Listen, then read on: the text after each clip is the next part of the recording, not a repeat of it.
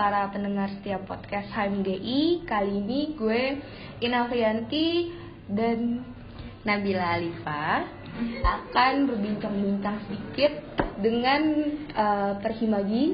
Ya. Boleh perkenalan satu-satu? Perkenalan dulu, perkenalan dulu. Perkenalkan nama saya Ade Arija Akbar. Saya dari HMTG Toba ITM Institut Teknologi Medan sebagai Sekretaris Jenderal dari Perhimagi. Perkenalkan saya Gideon Prasya Putra, saya dari Teknik Geologi UPN. Uh, saya di sini sebagai di, di Perhimagi sebagai uh, Ketua BBH Jurnalistik periode dari 2019 2020. Uh, perkenalkan di sini saya Agasian Bagas Kurnia Setiati uh, sebagai uh, Ketua Divisi Akademik dari Teknik Geologi UPN Veteran Yogyakarta. Perkenalkan, nama saya Riana Aprilia dari Teknik Geologi UPN. Eh, saya sebagai staf PPH Perhimagi. Uh, perkenalkan nama saya Najim Dirgantara dari HMTG Bumi Institut Teknologi Yogyakarta.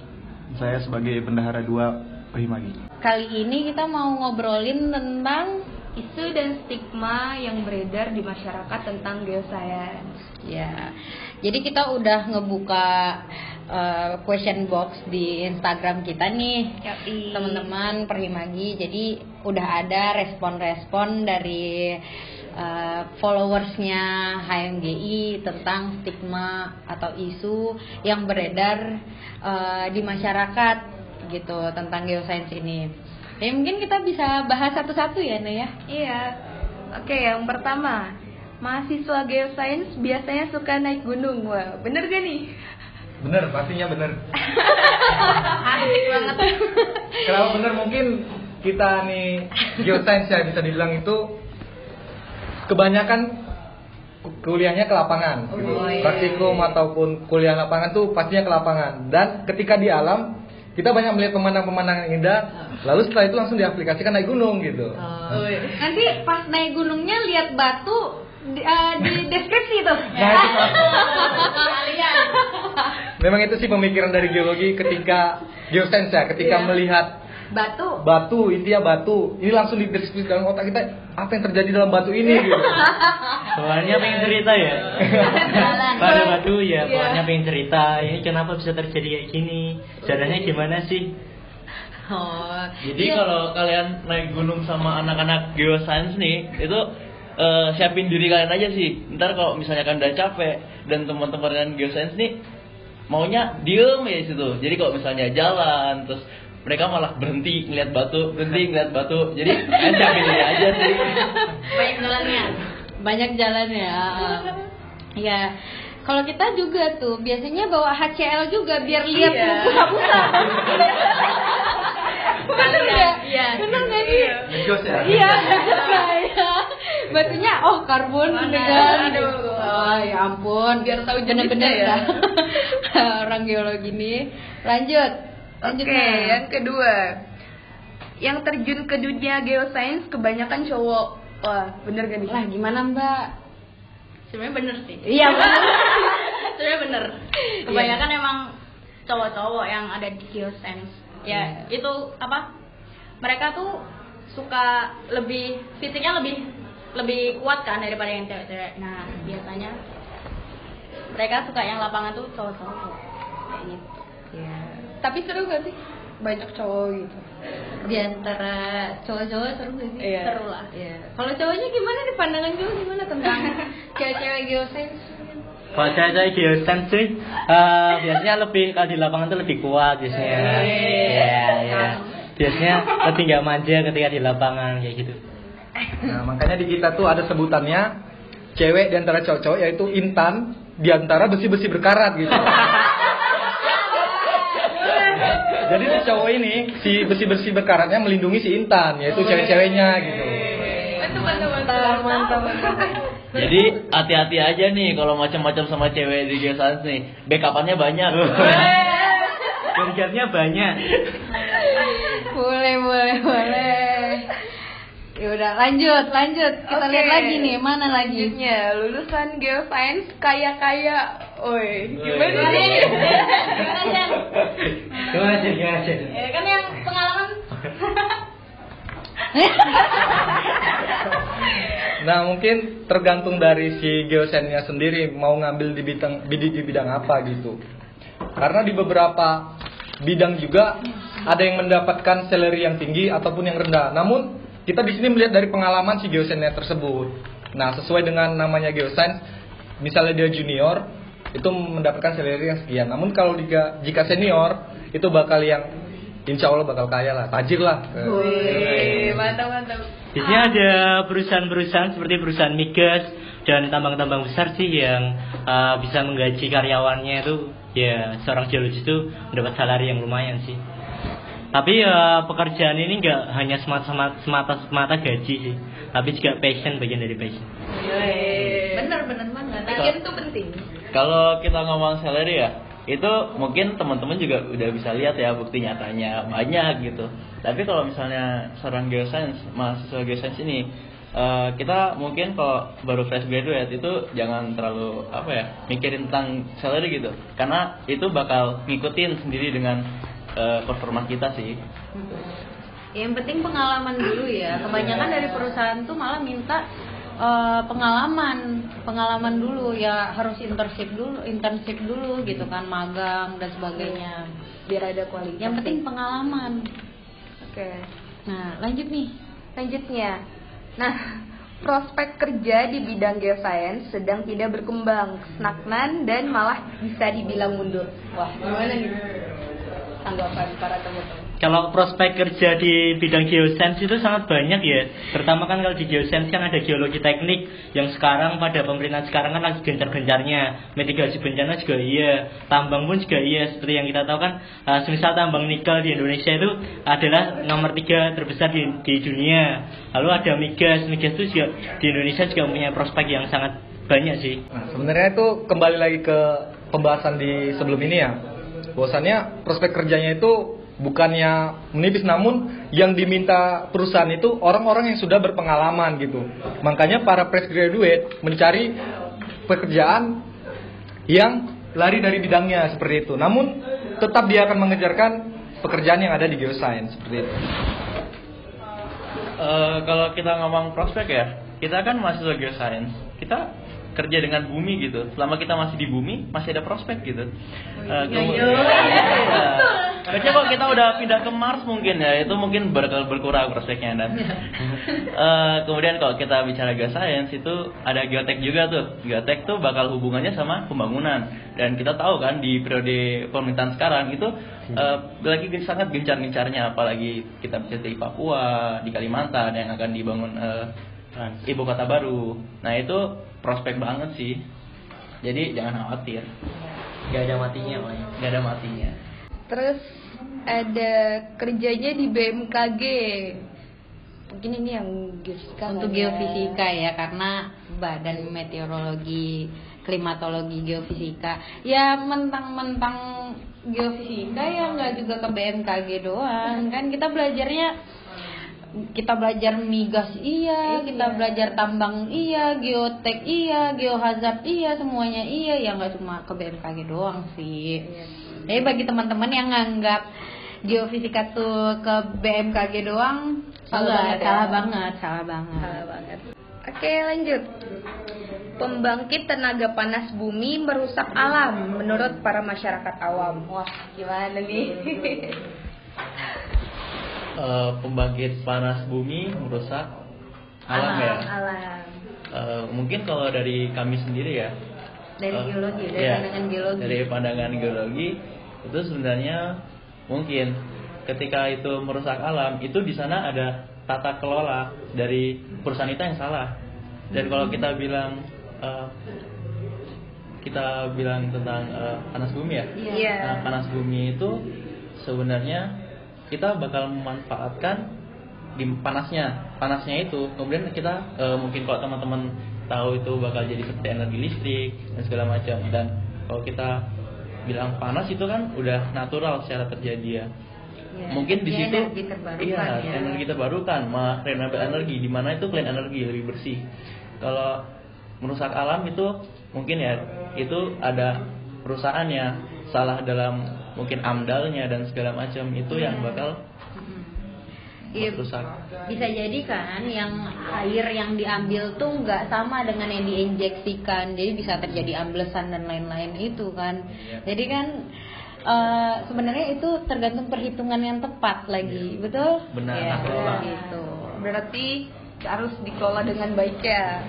Nah mungkin panas bumi itu bisa jadi salah satu energi yang akan banyak dimanfaatkan untuk Indonesia ke depannya. Karena selama ini kita pakai energi dari batu bara yang kita tahu batu bara itu energinya diambil dari fosil gitu ya. Iya.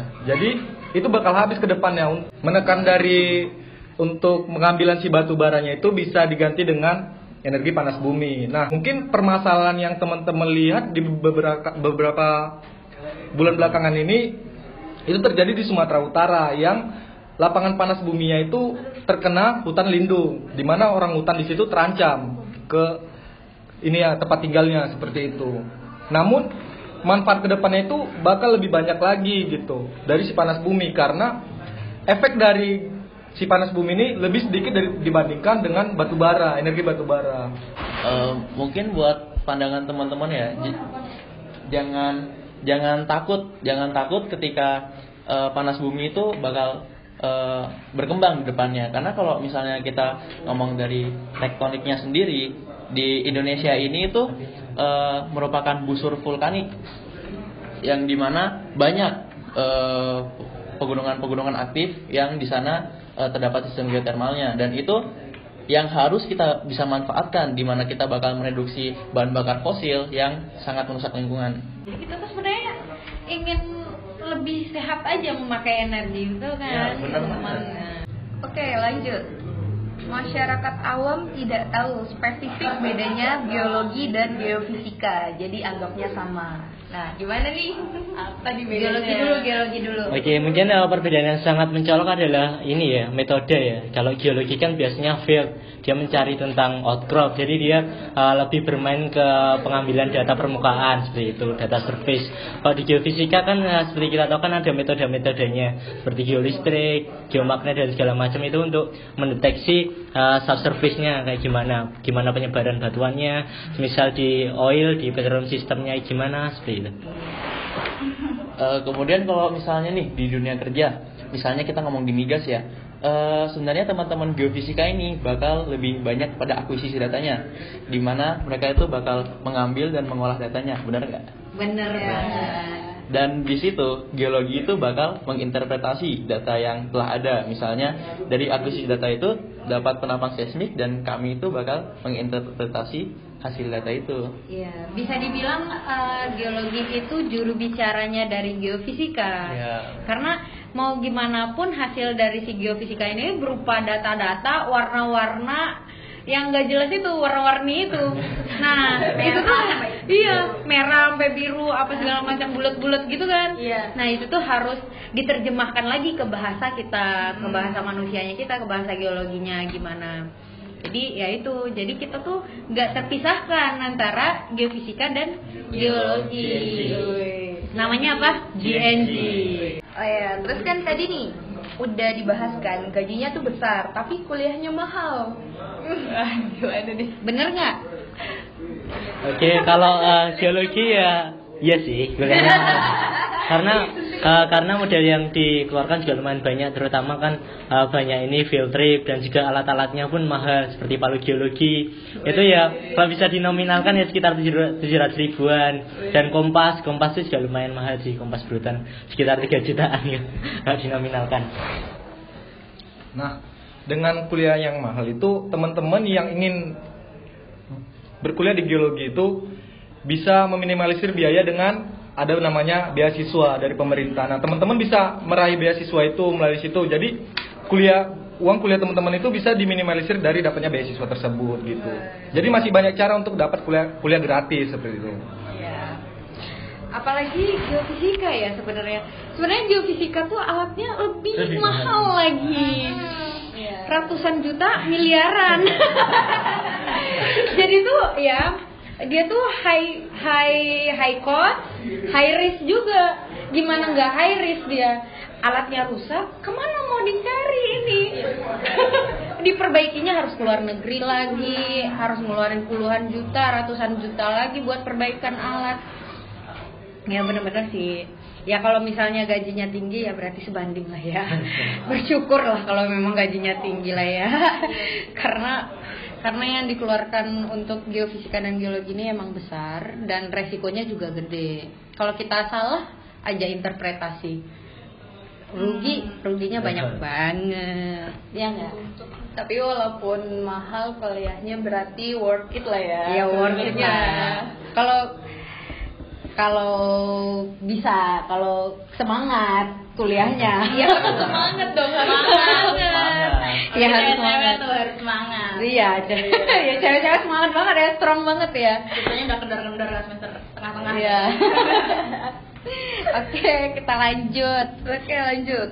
Lulusan geofisika itu pawang hujan karena taunya geofisika nanti kerjanya di BMKG tadi prediksiin cuaca. Ya nggak jadi pawang hujan juga lah ya. Iya, ini lucu banget, parah.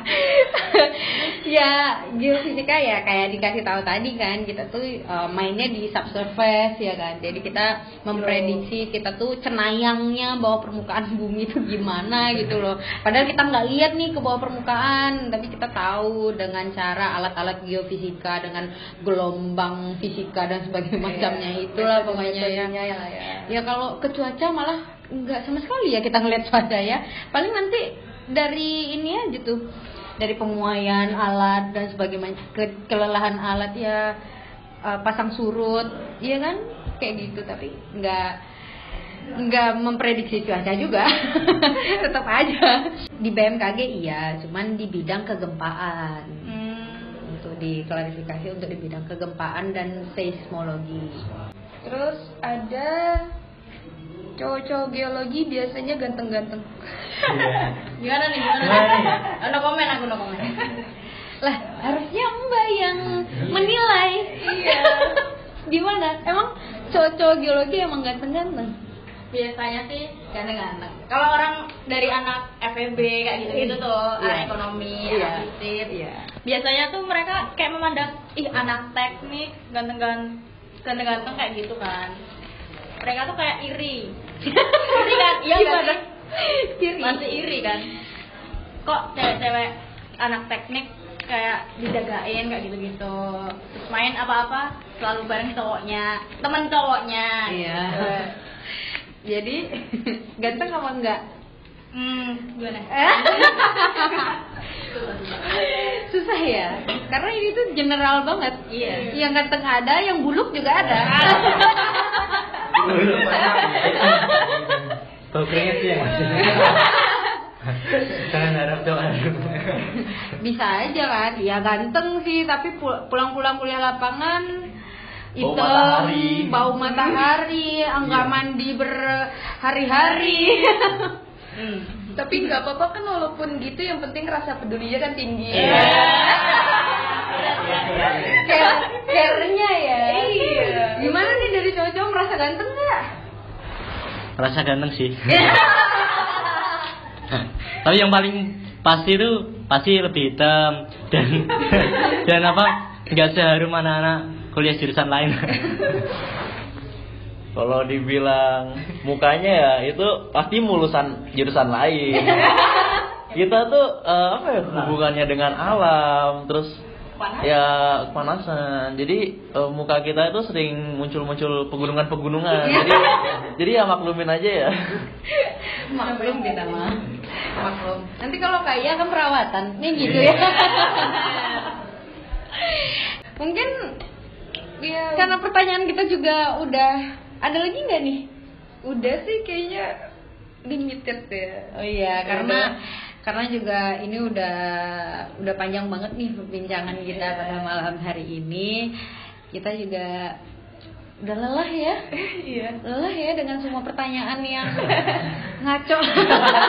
ya bukan nggak, ya bukan ngaco juga, cuman ini emang yang ada di sekitar kita emang karena eh, geofisika, geologi itu emang jarang sekali diketahui oleh masyarakat biasa, masyarakat awam.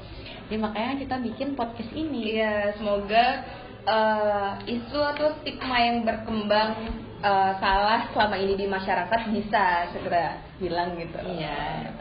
semoga aja Iya. biasanya tiap tahun gitu lagi Kumat. ya udah jadi di sini ada Perhimagi terima kasih Iya. buat Perhimagi yang udah mau join di podcast kita kali ini Iya. Yang udah sempetin waktunya. jangan lupa follow follow apa nih follow IG-nya mungkin ayo Ya mungkin bisa deh. di follow di Instagram Primagi Official dan juga di YouTube-nya Primagi Official. Jangan lupa di subscribe, like, jangan lupa tinggalkan komen dan bunyikan loncengnya. Iya. Bunyikan loncengnya. Bener ya udah sekian ya dari kita. Sekian dari aku Nabila Alifa. Aku Ida Prianti. kami pamit undur diri. Terima kasih